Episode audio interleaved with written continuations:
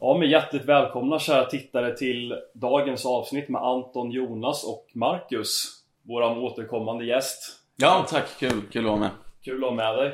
Idag ska vi fortsätta på det populärkulturella spåret. Vi har gjort några avsnitt om Game of Thrones. Det ska vi inte prata om idag, vi ska istället prata om Batman Med fokus på Christopher Nolans filmer som kom ut för ett antal år sedan. Som jag vet att vi alla tre och många fler har, har uppskattat. Och som under årens lopp har blivit lite av en en talking point i högerkretsar. Det är många som har skrivit recensioner av dem, kommit med analyser för att de uppfattas som i grunden ha ett, ett djupare budskap än vad som annars är, typiskt för Hollywoodfilmer och den typen av produktioner. Ja, ska, du, ska du börja Marcus kanske med någon, eh, med någon egen reflektion där? Ja absolut, jag har eh, som så många andra ämnen så jag tänkt på just det här i säkert tre års tid någonting. Uh, så ni kanske kommer höra de här tagningarna på min kanal på engelska någon gång i framtiden, vem vet. Men jag tänkte säga det här nu att... Uh... Ja, vi, vi, kanske ska börja med att presentera det lite bättre. För eh, jag tror de flesta av tittarna kanske känner till det. Men du har en egen kanal som heter The Golden One. Just det, just det. Du är lite utav en entreprenör också. Du tillhandahåller bland annat den här podden med kosttillskott. Mm. Men äh, även med, eh, med kläder varav äh, skjortan Ja just det, just det. Dags för att marknadsföra lite. Jo precis, legiogloria.com En ny linneskjorta så det är, Om ni är sugna på att handla lite kläder vet ni vad ni ska vända er. Sen kosttillskott gjort nutrition.se uh, uh, Men annars så ja, uh, försöker göra videos så ofta det går på The Golden One för de som inte vet kör på engelska då, det har jag gjort sedan början. Uh, så det är trevligt att vara här och prata lite svenska. Det är, uh, det är skönt. Um, Varför tog du det beslutet att börja köra på engelska? Uh, nej, det var bara den um, internetsubkulturen som jag liksom började min bana i. Så det var mer naturligt att uh, nå ut till fler på så sätt. Och sen blev det bara att ja, nå ut till så många som möjligt uh, i, um, i västerlandet. Så då, ja, större publik med engelska. Eh, men det är därför det är kul att göra såna här grejer också, vara med på er kanal på poddar och kunna prata svenska och ut lite mer specifikt också. Eh, men kanalen är på engelska och nu eftersom jag har byggt upp en ganska lojal följarskara så, så vill jag ändå vara rättvis mot dem så de kan fortsätta förstå. Därför försöker jag hålla allting, på, allting i mina kanaler på engelska fortfarande. Mm. Och för att brygga över en, en annan person som försöker nå ut är ju uh, Batman. Ja, jo precis. Med, med andra medel än Ja exakt, exakt. Så eh, jo men Batman, jag är ett stort fan av de filmerna. Det som jag måste nämna också innan, uh, innan jag fortsätter är att jag har aldrig varit ett fan av superhjältar. Jag har alltid tyckt det var ganska löjligt med superkrafter och sådana grejer. Uh, så Batman är min första, Christopher Nolans film är min första egentligen erfarenhet med dem. när jag var liten så kollade jag inte på superhjältar heller. Utan det var mer liksom Asterix, Obelix och kanske lite Tintin och sådana här grejer. Är det därför, för vi alla tränare, vi alla har ju liksom kört våra MMA-matcher, mm. kört våra grappling-matcher. Och en sak som är ganska så här, återkommande inom den, typ jag vet inte vad man ska kalla no-gi grappling för en subkultur, men det är en kultur i alla fall. Och många som eh, har rash guards mm. har ju superhjältemotiv på sig. Mm. Och jag vet ju att jag, jag själv, jag brukar, ja men typ med, jag, har någon tröja som är med Punisher och sen, sen med Captain America. Uh, det, det, är inte många som vet om det men det är faktiskt samma person. Captain America och Punisher. Mm -hmm. Nej det är det inte. Eh, alltså, du får förklara att det, det är, enligt Jonas så är det samma person och sen kommer du följa någon utläggning om varför. Det finns arketypiska mönster som för dem samman i form av hur man upprätthåller lagen. Och sen är det bara vem det är som delger vad som lagen är. Varav Punisher har tagit det på sig själv och Captain America är lagbunden. Men det enda som skiljer dem åt är att Punisher har tagit ett litet kliv man kan säga att allt skiljer dem åt. De har inga likheter överhuvudtaget Jonas. Okay. Nu, nu börjar dispyten. ja, okay. Fem minuter in i avsnittet. Likheten är att båda upprätthåller lagen. Men deras betraktelse vad som är lagen skiljer dem åt. Är vi överens där? Ja, det var så. Så jag rebuttade din att ingenting skiljer dem sig åt på en mening. Ja, inte egentligen. Alltså, Captain America, han är ju en representant för, han är en representant för det starka samhället. Mm. För en stat som fungerar. Men det var det Punisher också ursprungligen. Nej, det... Jo, Punisher deltog i eh, det amerikanska liksom den internationella politiken, geopolitiken mot kommunisterna i Vietnamkriget. På samma sätt som Kapten Amerika försöker främja amerikanska intressen på den globala arenan. Det, det lustiga är att alltså, det kanske låter som en likhet men det är det faktiskt inte för det finns en, skillnad i mytologi där att andra världskriget det, det betraktas ju av, av, många, förutom tyskarna då, de får inte ha de upplevelserna men, men som ett bra krig. Jag vet i Ryssland kallas det det stora, det, det stora fosterländska kriget. I England kallade de det för the good war. I, i, i USA så hyllade de sina veteraner. Men The Punisher, när han uppträder, och det är där Captain America kämpar, han, han, han kommer fram genom andra världskriget. Ja. Men Punisher, när helst han uppträder eh, så, så, kommer han från kontroversiella konflikter som ingen riktigt hyllar egentligen. Men det... The Punisher, förlåt jag ska bara avsluta. När The Punisher först kommer så är det Vietnamkriget, ett krig som ingen hyllar. Och i de moderna versionerna av Punisher så kommer han från Irakkriget och Afghanistan, vilket ingen vettig människa hyllar utan som de flesta anser vara väldigt dåliga konflikter. Så de, de representerar två helt olika typer av samhällen. Ja men då får vi återgå till den här mytologiska betraktelsen till dem så finns likheten över att Punisher är förlängningen utav Kamp till Amerika utav en fallen hjälte, en fallen samhällsmedborgare som ville eh, tjäna samhället väl sin, efter sin yttersta förmåga genom militärtjänstgöring och sen kommer hem och blir sviken och eh, tar på sig själv att upprätthålla något form av ideal som han anser har gått förlorat. Och det är där likheten ligger, att, att Kapten Amerika bibehåller det idealet under kanske så här illusionsformer, alltså falska premisser till vad det egentligen är. Alltså Kapten Amerika är ju typ en urtyp utav en neokonservativ idag. Absolut. Ja, och vad är det då som har föranlett de krigen som du hänvisade till ifall det inte är neokonservatismen? Det som eh, gjorde att Punisher överhuvudtaget blev Punisher. Alltså det, det krävs väldigt lite för Captain America att bli puttad över gränsen till att när han ser att samhället han tjänar inte är den idealtyp som man försöker leva upp till och då försöker skapa det själv. Och då har han ändrat betraktelse på lagen och blivit de facto vad Punisher är. Alltså samma person. Då hoppar jag in som moderator här och ber er sluta gnabbas. Okej, okay, ja, ja. Ska vi skifta fokus? Ja, precis. Det, ja, det, var, det var Batman. Hur, Exakt. hur förhåller sig Batman till eh, Punisher och eh, Captain America-arketyperna? Jag har faktiskt inte så mycket koll på just dem. Min um, jämförelse skulle faktiskt vara med Spiderman, ja. Spindelmannen, som är, då pratar vi om filmen här också, och det som jag gillar med Batman just är att det är realistiskt. Eh, det är en muskulös och stark och rik kille som gör saker eh, med det han har. Spindelmannen, det är ju en, det är en tanig nörd som helt plötsligt får superkrafter. Det finns ingenting att aspirera till där. Eh, Batman däremot, jo det finns, okej, okay, de flesta kommer inte kunna ha liksom, Wayne Manor och massa liksom, men den mänskliga faktorn finns där. Exakt. Batman likt Punisher är en vanlig människa. Jo precis. Utan övernaturliga och krafter. Och... Det är just det som blir, då blir det någonting som vi kan ta sikte på. Eh, till skillnad från Spindelmannen eller ehm, eh, Stålmannen. Eh, som liksom på något magiskt sätt får de här krafterna. Och det är det som gör att jag aldrig riktigt varit eh, attraherad och intresserad av dem. För det är så Ja, jag vet inte, det, det är oärorikt. Det är ouppnåeligt. Ja, exakt. Det är exakt. genetisk manipulation i Spidermans fall. Och jo. En utom var, jordisk varelse i Supermannens fall. Ja, precis. Medan Batman är just en... Um... En av oss. ja, men typ. Ja. Eh, det blir den aspekten och eh, det är lite mera... Eh, jag har ju pratat om Warhammer 40K förut och Warhammer Fantasy. Det som är bra med dem är också att de är... Genren kallas för Grimdark. Det betyder att det är lite mera ja, som det låter, eh, grymt och mörkt. Samma sak med Batman, eh, medan Spindelmannen är lite mera um, lättsamt om man säger så. Ja, det är för, samma för, sak med Marvel-filmen, de är lättsamma och lite nördiga på ett dåligt sätt.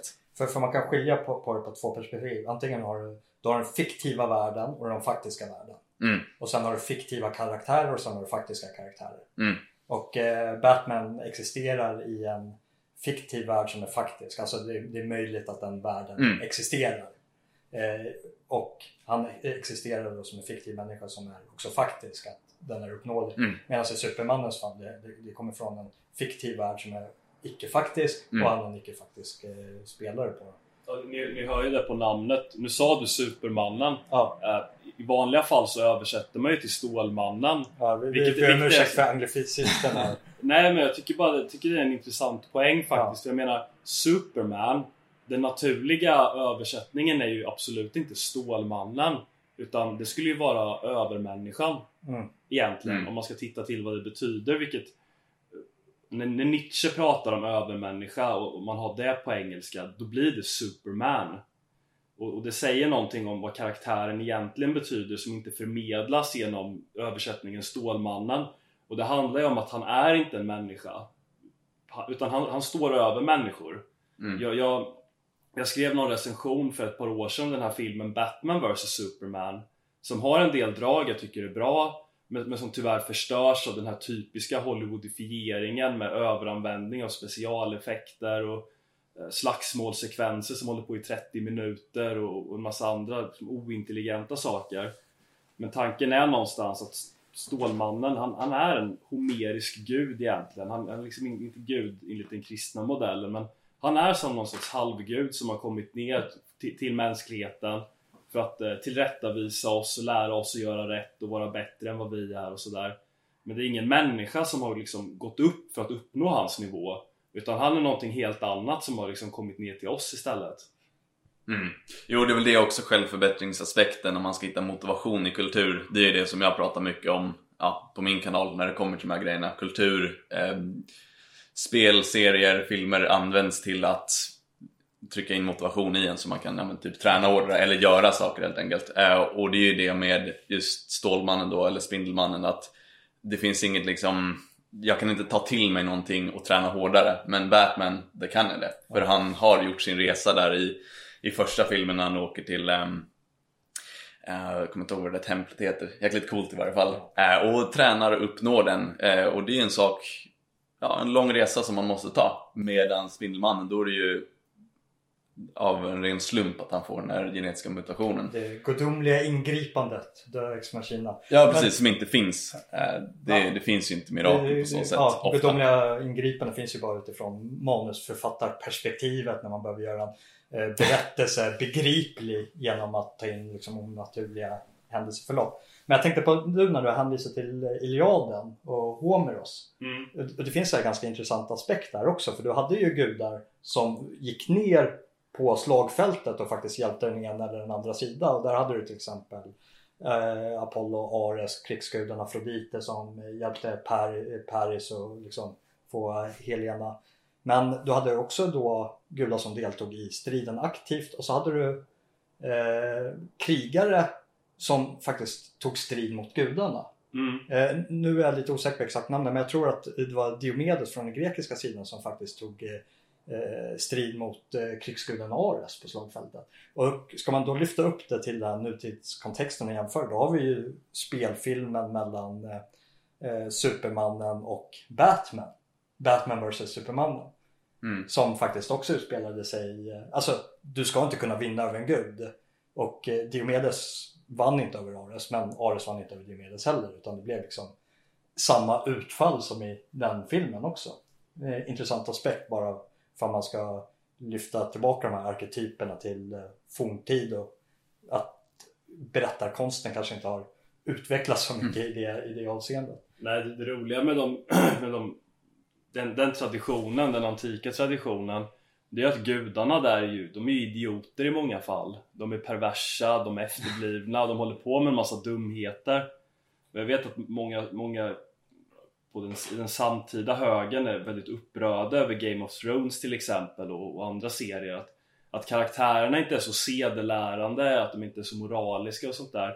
Men det, liksom, det går ju tillbaka till en äldre tradition där karaktärer aldrig har varit särskilt sedelärande. Mm. Och där man kanske inte ska läsa karaktärerna som normativa exempel på vad man ska göra utan kanske som, som avskräckande exempel på hur människor faktiskt är. Och i antiken, alltså man betraktade inte gudarna som, som några föredömen direkt utan jag menar Zeus var ju en, så kallad, en horkarl liksom, om man ska använda ett gammalt uttryck. Mm. Eh, jo precis, jag har inte sett klart på sista säsongen. Jag och hustrun eh, ja, hon hade inte sett tidigare så vi kollade igenom alla säsonger och nu på sista så jag kommer göra någon typ av tagning på Game of Thrones senare. Men det jag kan säga här också för de som säger att det är en dekadent och degenererat, det är att det utmålas inte som någonting bra. Nej. Jamie och Cersei, deras incestuösa förhållande, det utmålas inte som någonting bra utan det är så här, de visar en, ja men återigen lite halvt grimdark om man säger så. Eh, så det kan se ut och det är liksom lite kaosigt och, och um, omoraliskt då. Men återigen, jag har inget emot det för att det utmålas inte som någon, något eh, ideal. Om man tar typ jag inte, Sex and the City till exempel. Då utmålas de här um, 35-åriga singelkvinnorna med, med katter, ja nu vet jag inte om de har katter men jag drog bara till med en stereotyp.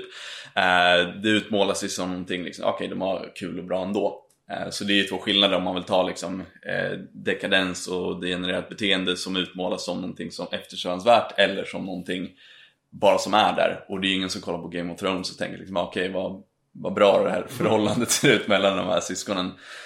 Um, men ja, det var bara en inflikning på själva, på det när man kollar för djupt i, i på sådana saker. Men ja, men för att återvända till Nolan, vad, vad är bra med hans filmer egentligen? Varför är de sevärda? Vad tycker ni? Eh, alltså först och främst bara att de är, de är episka på, på ett oironiskt sätt. Eh, om man jämför med till exempel Marvel eller de andra superhjältefilmerna. Eh, nu har inte jag sett allt, jag har sett tillräckligt många i varje fall för att dra den här analysen och det är någonting som jag sagt förut med att eh, den moderna kulturen är väldigt ironisk. Det finns alltid den här skölden man gömmer sig bakom att jag tycker det här är coolt ironiskt, jag gör det här ironiskt, jag kollar på det här ironiskt. Det måste alltid finnas en comic relief i allting.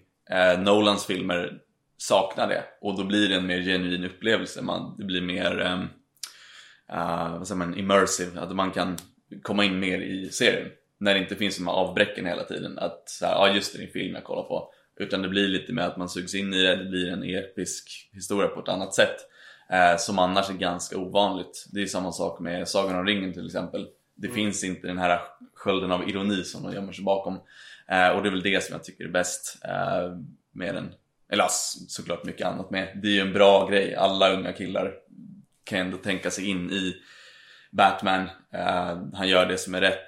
Sen är han ju lite väl pacifistisk med tanke på att han inte vill döda människor. Eh, som scenen i början på, eh, eller i mitten på första filmen där, när han vägrar att döda eh, den här, um, ja, det är någon typ av bonde som har dödat sin granne.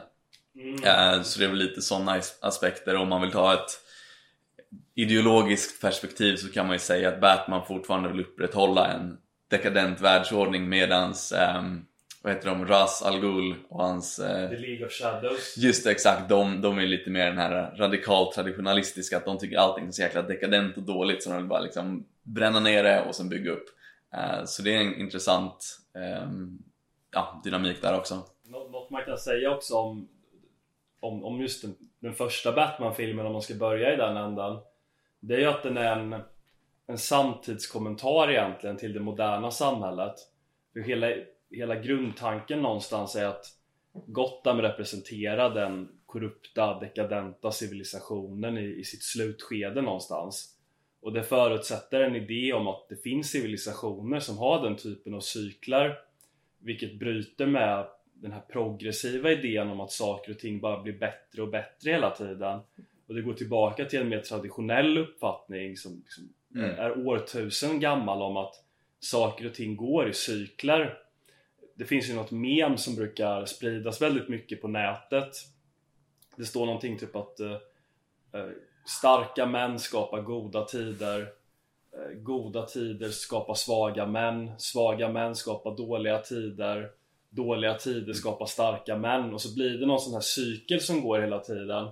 Där där välstånd leder till förfall, mm. förfall leder till fattigdom och kärva förhållanden. Kärva förhållanden tar fram människor som kan prioritera och ta fram bra värderingar och då kan de skapa bättre förutsättningar. Men, men det ena leder liksom fram till det andra och det finns ingen liksom magisk slutpunkt där och det finns liksom ingen Det är ingen som förutsätter att saker och ting blir bättre. Och i den här historien så är Gotham i det här slutskedet. Och, och Gotham har ju någon sorts metropolställning i den här berättelsen som något sorts Rom liksom, som en världsstad som påverkar hela världen. Och, och så finns det den här uråldriga organisationen som kallas The League of Shadows som, som drivs av den mystiske Ras Al Ghul. Och de, har, de utgår från den här filosofin på ett väldigt uttalat sätt om att civilisationer fungerar på det här sättet och, och de är i någon mening också väldigt antikonservativa för de, de, de uppfattar inte som att någon reform är möjlig eh, vilket Batman gör jag vet att det var någon som, som gjorde någon flera år sedan då när man först började ha de här diskussionerna att man, man jämförde Batman med Pat Buchanan mm. eller i, i, i, svenska förhållanden kanske man skulle kunna jämföra Batman med, med Sverigedemokraten eller någonting mm. Så, som liksom inte vill bygga nytt utan som, som vill reformera det som redan finns där till exempel ja, anknyta till ett exempel att SD de vill ju inte lägga ner public service till exempel Eh, de, de vill reformera det och tror ja, att det ska funka. Men ett mer konkret exempel blir ju då liksom, ja, vi, har, vi har en problematik med mångkulturen i Sverige. Eh, ska vi, hur ska vi få det att fungera? Ja, Batman och SD de, de har sin idé över, alltså de, de tror inte på konceptet av mångkultur men däremot så distinktionen de gör, de ser inga problem med det som har föranlett till mångkulturen. Alltså den här otroliga massinvandringen de kompromisser som Sverigedemokraterna är beredda att göra med de potentiella samarbetspartierna innebär ju fortfarande per definition en fortsatt massinvandring till Sverige.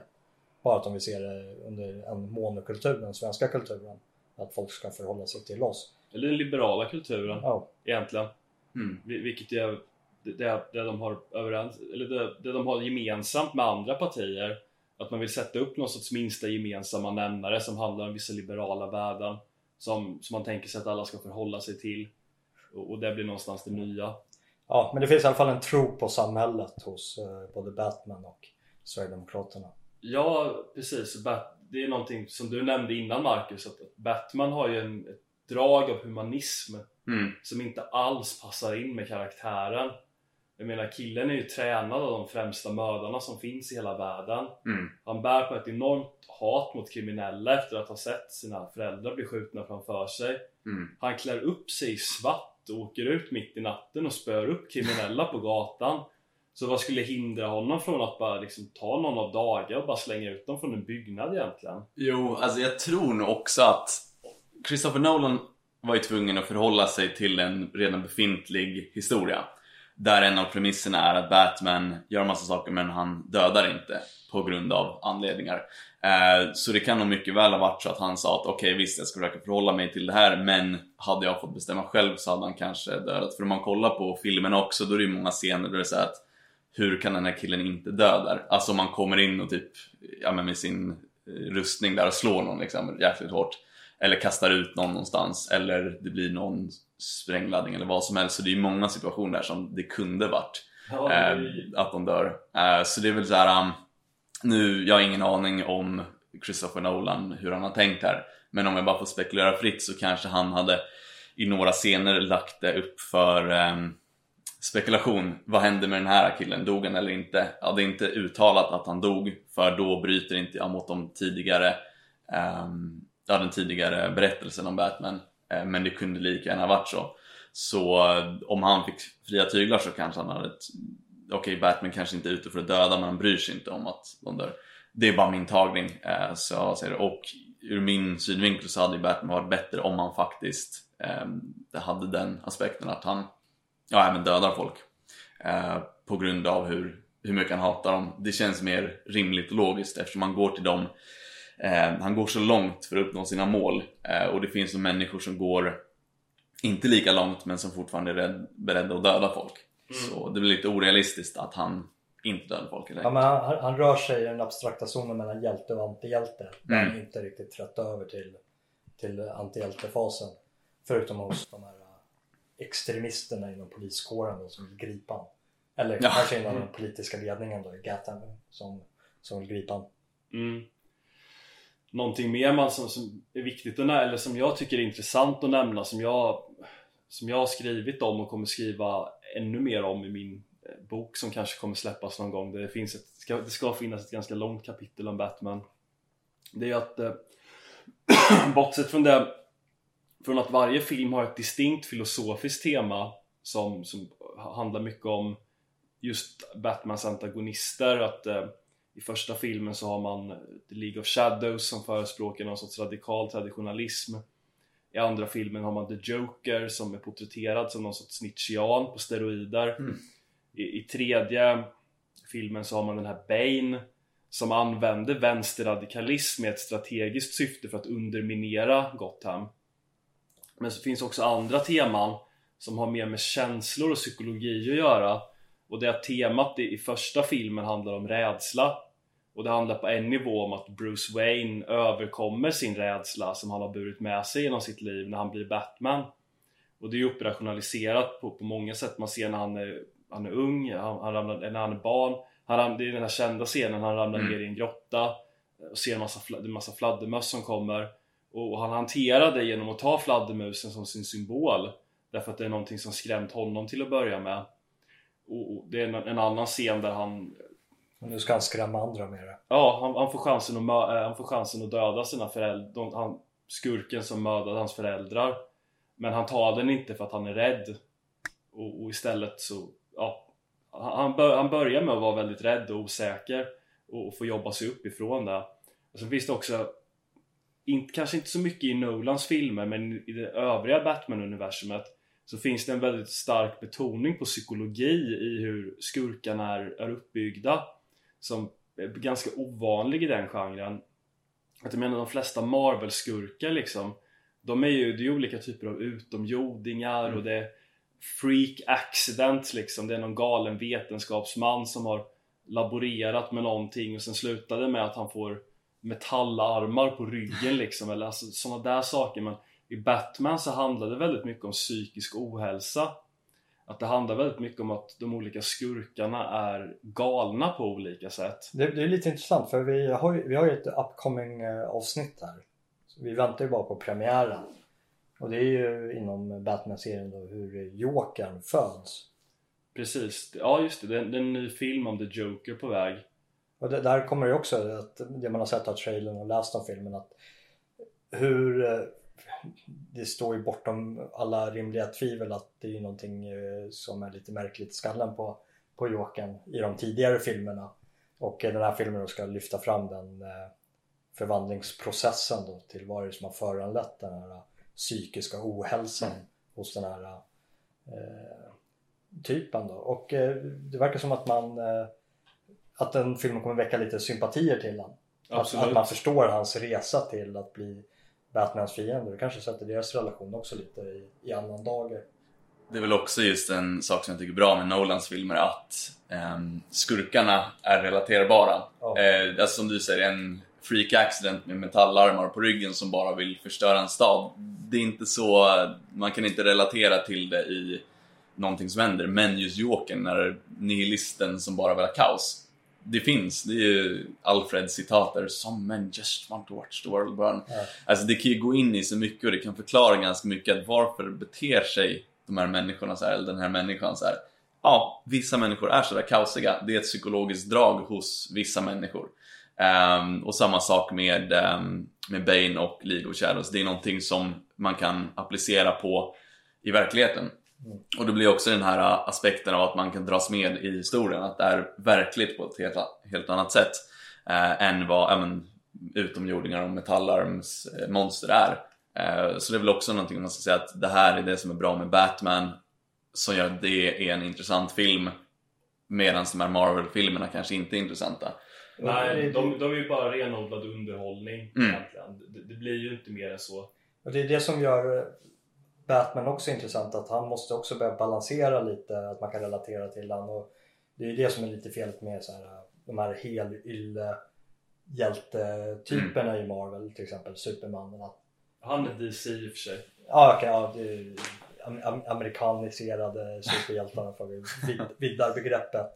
Men att de är ofelbara, alltså de är eh, Mm. Alltså bortom deras superkrafter så är de liksom goda människor i ordets värsta bemärkelse. Mm. Alltså det, det, de är omänskliga i sin godhet över att de aldrig gör fel, de ställs inte inför eh, moraliska värden som kolliderar där eh, det inte finns ett rätt eller fel svar utan det är liksom du kommer såra någon oavsett vad du gör. Jo, nej men återigen, det är ju om man ska kolla på relateringsfaktorn. Ja. Eh, Batman är inte perfekt. Eh, och det gör just att man kan ja, sätta in honom i en verklighetskontext där Stålmannen, eh, eller ja, vad de nu heter, passar inte riktigt in. Nej. Eh, det blir så bortom och det bryter den här effekten av att man kan leva sig in i historien. Så jag vet inte om jag sa det i inledningen men ja, återigen, jag är inget fan av superhjältar och jag ser inte riktigt Batman som en superhjälte heller. För superhjälte blir lite mera, för att låna ett engelskt uttryck, lite cringe på så sätt medan Batman är just på, ja det är, det är såklart, det är en, en, en hjältehistoria sådär men det blir på ett annat sätt just för att han inte är den här jättegoda eh, killen. Nej, det blir ett helt annat djup och det är väl det som är så intressant med Christopher Nolan-filmerna och med Batman överlag. Att det finns så många dimensioner. Jag menar, jag, jag har sett några, jag och en kompis till mig, han brukar bjuda med mig på, på olika typer av Marvel-filmer och sånt där. Jag brukar hänga med. Det kanske är lite kul att se på. Men det är, ju- det är ju ingenting som det finns någon anledning att recensera egentligen eller prata om. Jag menar, jag, jag har sett det senaste året eh, den här Captain Marvel. Jag, jag har sett de här eh, Avengers, Infinity Wars och Endgame och allt vad de heter. Och, och, och det finns liksom inte så mycket att säga om dem egentligen utan det händer saker och det är skämt och, och det är den här Amerikaner älskar ju det här att man blandar eh, allvar i en scen med eh, eh, liksom, vad fan heter det? Comic relief? Ja, det finns något bättre ord eh, för det där. Alltså det är sån här riktig slapstick-humor. Okej. Det finns något jättebra exempel på det där från de här Star Wars eh. Att det, det är en scen, de, de, de gör ju det på ett helt sinnessjukt sätt. Det är ju bland de sämsta filmer som har gjorts och Mm. blivit stora. Men vad de gör är egentligen att i en scen så har man den här, de här två druiderna CP3U och R2D2 som så sprutar olja på sina så här motståndardruider och alla halkar runt och ramlar och sånt där. Och det är liksom den här typen av humor som var amerikanskt 20-tal, där tårta i ansiktet och ramla ner i en simbassäng och få ett piano i huvudet och sådana där saker. Och sen i nästa scen så halshugger Anakin, som är en av huvudkaraktärerna, den här greve Doku och avrättar honom helt kallblodigt. Och bara i min värld, alltså den, den typen av sammanblandningar, att man har den här tramsiga slapstick-humorn Mm. i en scen och så 10 sekunder senare så kommer, så kommer extremt grovt och grafiskt våld. Mm. Och det blir en sån konstig blandning när man tänker på det. Jo, nej men jag håller med och det är återigen den här äh, aspekten av att leva sig in i det. Alltså det bryter totalt allting. Eh, och det är därför man kollar på riktigt episka saker med äh, Sagan om ringen, Iliaden, Odysseen, Christopher Nolans äh, Batman. De saknar i mångt och mycket de där aspekterna. För det blir ju svårt att riktigt leva sig in när det blir de här, ja, eh, Ja, det blir ena- en känslomässig berg och dalbana Mm. egentligen. Men, men någonting som jag också gillar med, med Christopher Nolans filmer, det är ju den här samtidskommentaren. Att även om, om saker och ting skiljer sig åt i de här olika filmerna så kan man ändå säga att det finns en sak gemensamt och det är ju någon sorts kritik mot en upplevd väldigt materialistisk civilisation. Eh, Och, och alla fienderna, eller antagonisterna i Batman-filmerna har gemensamt att de de drivs inte av, eh, de, de har inte de drivkrafterna som man anser typiska för det moderna livet. Jag menar The League of Shadows, The Joker, Bane. Alltså de är ju inte intresserade av att göra karriär och tjäna pengar och Mm. blåsa människor och, och liksom samla på sig så mycket materiella egendomar som möjligt. Och, och de tycker inte att det, det är en bra etik att absolut inte ta några risker för att man ska spela allting säkert och man ska man ska liksom gynna sig själv så mycket som möjligt. Mm. Och jag menar The Joker, han, han, han, han får ju in en massa pengar liksom från alla de här kriminella. Det är en stor hög med pengar. Ja, Ja. han, han bränner allting. Så mumlar han för sig själv It's not about the money, it's about sending a message. Och så är det någon sån här typisk skurk liksom som ska, verkligen ska representera en, en skurk ur det Mm. moderna livet som bara tittar och häpnar bara men hur kan någon bränna alla de här pengarna? Mm. Eller som när Bane bryter sig in i, i det här Stock Exchange, eh, den här aktiehandlar, eh, jag vet, jag kommer inte ihåg, just det, börsbyggnaden liksom. Mm. För att de ska, göra, de ska göra ett uppdrag där för att underminera Bruce Wayne. Och så säger någon av de här mäklarna till honom att men va, va, varför är du här liksom? Det finns ingenting du kan stjäla här. Och då svarar Bane, men vad gör då du här? Mm. Och så, det är liksom också temat, de här människorna som ska representera moderna människor, att de kan bara inte fatta hur The Joker eller Bane vill någonting annat än att stjäla pengar. Mm. Eller att, att de har helt andra drivkrafter än att bara bli rika. Ja, jag tycker där sätter, eh, får man kolla tillbaka på de här gamla hjälteeposerna som har överlevt över tid. Att de förtäljer ju oftast, de har, har ju någonting de för, vill förmedla bortom hjältearketypen utav en person som står upp mot en antagonist och är någorlunda framgångsrik i det. Men det är ju att de också berättar någonting om sin samtid och ger en viss form av moralisk vägledning. Och då är du inne på någonting som är ganska intressant som är sant över tid och det är ju just det här äh, girigheten. Mm. Kritik mot eh, vad det är som spelar roll här i livet. Vad är våra drivkrafter? Mm. Och det knyter ju an ganska bra till en utav eh, ja, men de största nordiska eller germanska hjältegrupper, sådana Sieg, Siegfried och Draken Fafner och, som eh, populariserades igen med Wagners opera Ringdes Nibelungen. Och det, det är ju en berättelse om extrem girighet bortom hjältearketyperna och eh, kärleksberättelsen med Brunhilde. Och det, det är ju den här förbannelsen som ligger över skatten. Att tro inte att du blir lycklig bara för att du lyckas dräpa draken och bli den rikaste mannen som existerar i, i samhället. Det, det kanske inte kommer leda till lycka utan det kan lika gärna leda till ditt fördärv, vilket var fallet då med, med Sigfrid. Mm. Och eh, Nolan vänder ju på det konceptet här då genom att eh, ja, vänder gör han ju inte i sådana fall. Hade han vänt på det så hade ju Bane varit eh, hjältearketypen i berättelsen. Men han lyfter upp det i alla fall från ett annat perspektiv. Vilket, det är väl den stora behållningen jag har med, eh, med Nolan, just den här metaberättelsen Mm. i, i den där aspekten. Man kan, Jokern säger det också, för att, jag tänkte nämna det men han bränner pengarna där också. Han säger det att Gotham deserves a better class of Ja, criminals. exakt. och då är det just den här brytpunkten att ingen förstår att alla är så vana med att det enda som de här alla egentligen är ute efter är den här stora mängden pengar. Och så bryter han totalt med det och berättar att okej, det finns faktiskt någonting utanför det här. Eh, Så det är en ganska bra kritik mot, ja, som du säger, materialism liksom.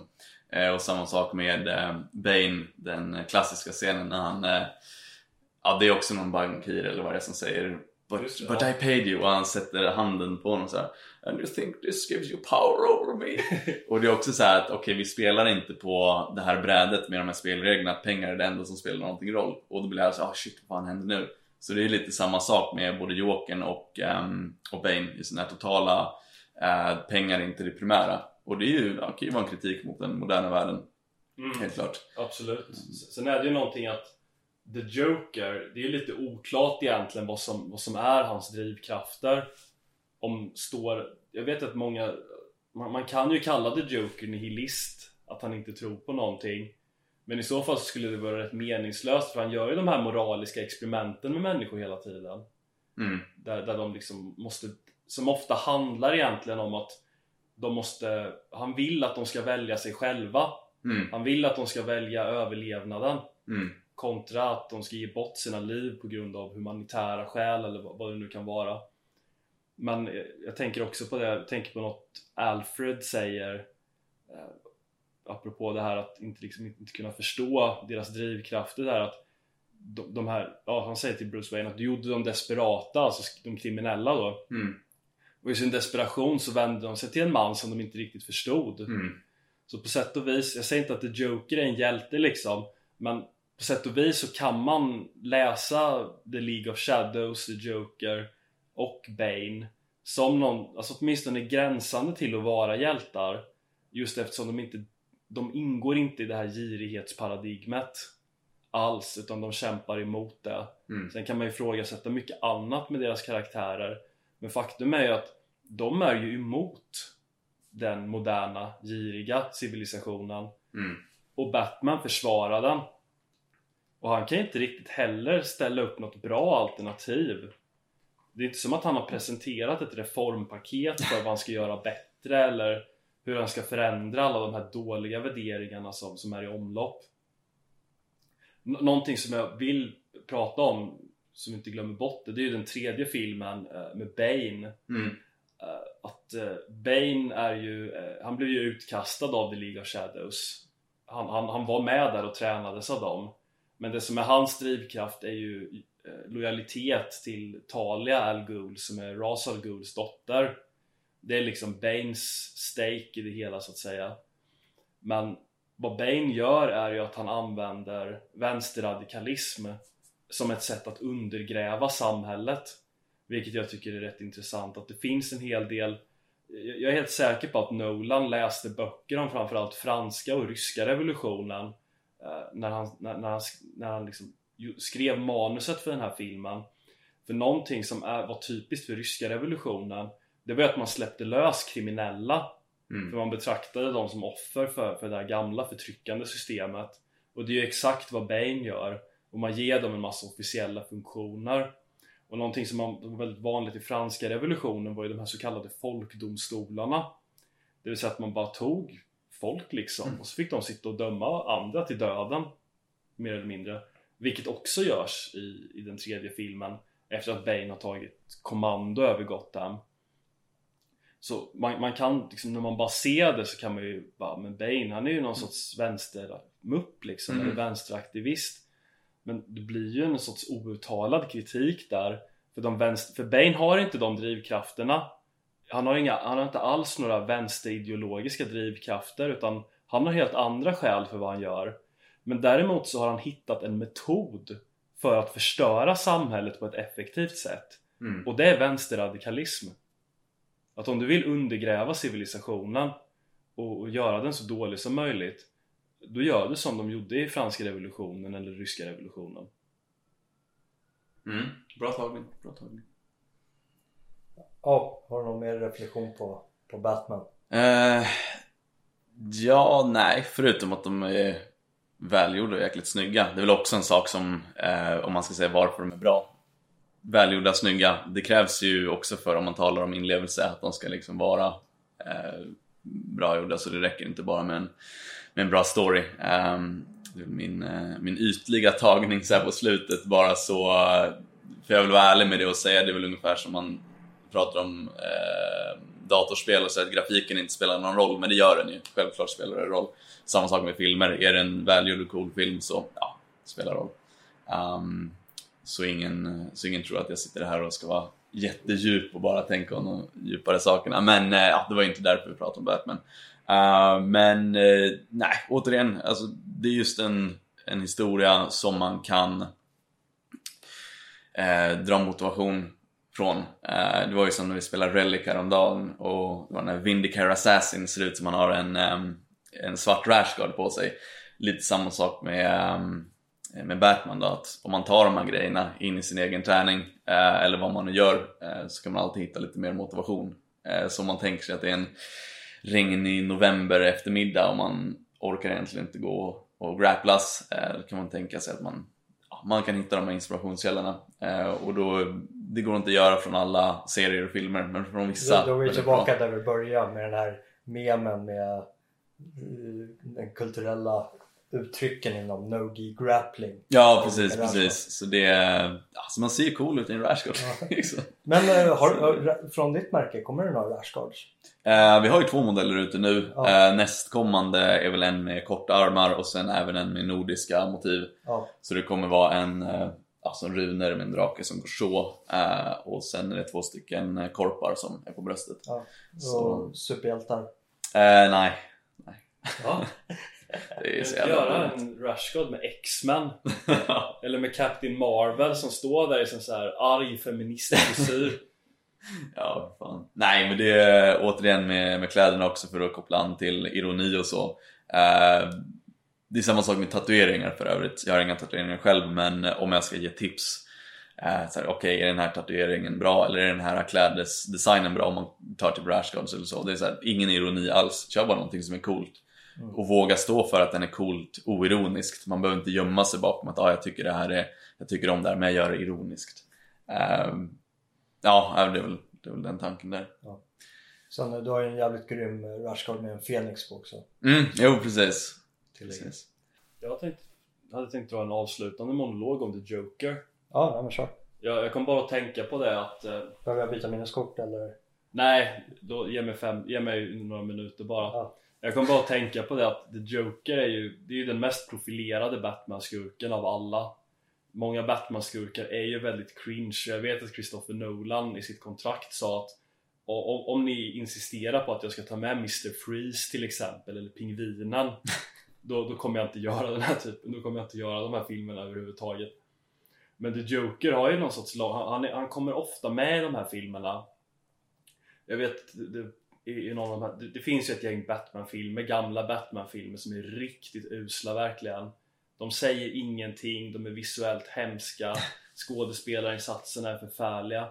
Men, men där porträtteras uh, The Joker av Jack Nicholson och, och, där är han ju The Joker en gangster och han blir The Joker genom att han blir förrådd av sina gangsterkompisar och han ramlar ner i någon sorts så här kemikalietunna eller någonting mm och efter det så kommer han upp och är galen och är The Joker och är liksom personlighetsförändrad.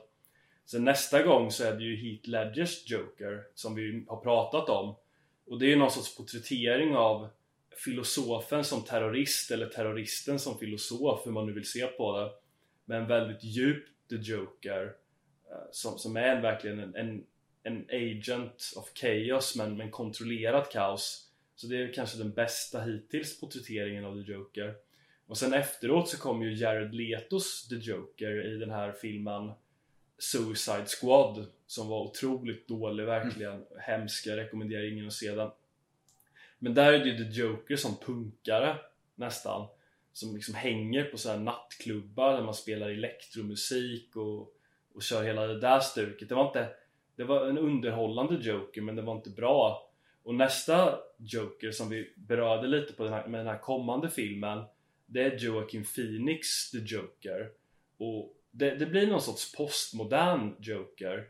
För där får vi se hur han eh, går från vanlig medborgare till att, att bli det här andra då. Och det roliga är att det som gör honom vansinnig eh, för det får man väl säga att han är utifrån det jag ser i olika trailers det är inte att det är en sån här freak accident med explosioner och kemikalier och sånt där utan han blir galen av att leva i det moderna samhället.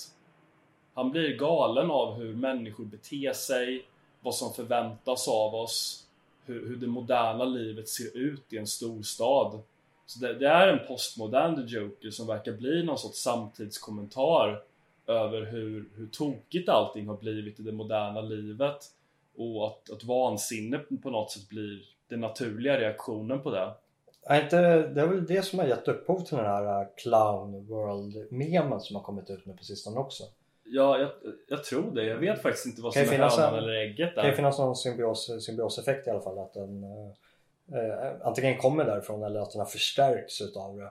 Och den, nu har ju filmen inte kommit ut än men eh, med hjälp av trailern och eh, berättelsen i sig självt. Jag tror att det är en film att hålla utkik efter faktiskt. Ja verkligen, vi kommer nog återkomma med ett populärkulturellt avsnitt om det. Så håll utkik i bokhandeln nära dig här, den, vad kan det vara, närmsta två åren. Tills ja. Anton har färdigställt sin populärkulturella bok som eh, kommer innefatta en del om Batman.